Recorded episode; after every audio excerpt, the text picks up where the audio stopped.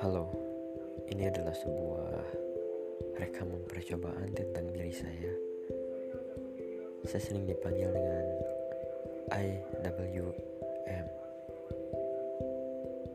Entah kenapa saya harus menginstal podcast karena memang sudah waktunya dan ini saya sedang mencoba merekam dalam satu menit pertama yang nantinya akan menjadi bahan evaluasi, bahan percobaan untuk kemudian nanti saya akan sharing dalam podcast tentang sesuatu yang bermanfaat bagi semua.